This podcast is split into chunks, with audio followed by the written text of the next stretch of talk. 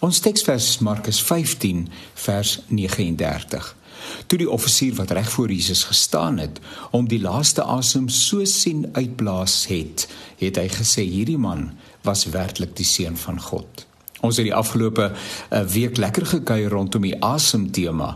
Ons het asem geskep, die gawe van asemhaal gedenk, na ons asems gesnak en ons eie laaste asem bedink. Jesus het in die volheid van die tyd na hierdie wêreld gekom. Die wonder daarvan dat hy sy ewige heerlikheid prysgegee het ter wille van 'n helbestemde wêreld moet ons altyd in verwondering laat staan. God skuld ons niks nie. Dis ons wat skuldig staan voor hom. Ek dink aan Willie Joubert se lied, sy nagmaalslied wat begin met die woorde: Ek staan skuldig voor U Heer, voor U my Vader wat regeer. Ek is nederig in my hart en my siel is so verward en my lewe is vuil voor u troon. Hierdie besef van ons eie status voor God dring 'n mens om vergifnis te vra. Derhalwe die mooi refrein: O Heer, vergewe my.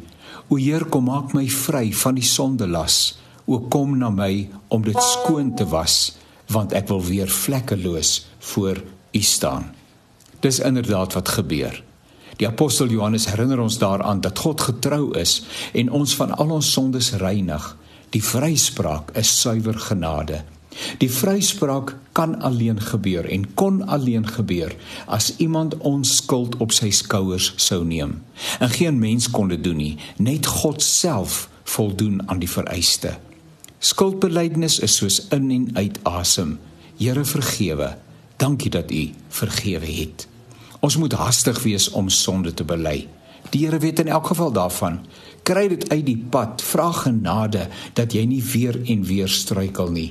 Die Gees van die Here bemagtig ons tog vir die lewe. Ek was verlore, maar deur sy bloed is daar nou vrede in my gemoed.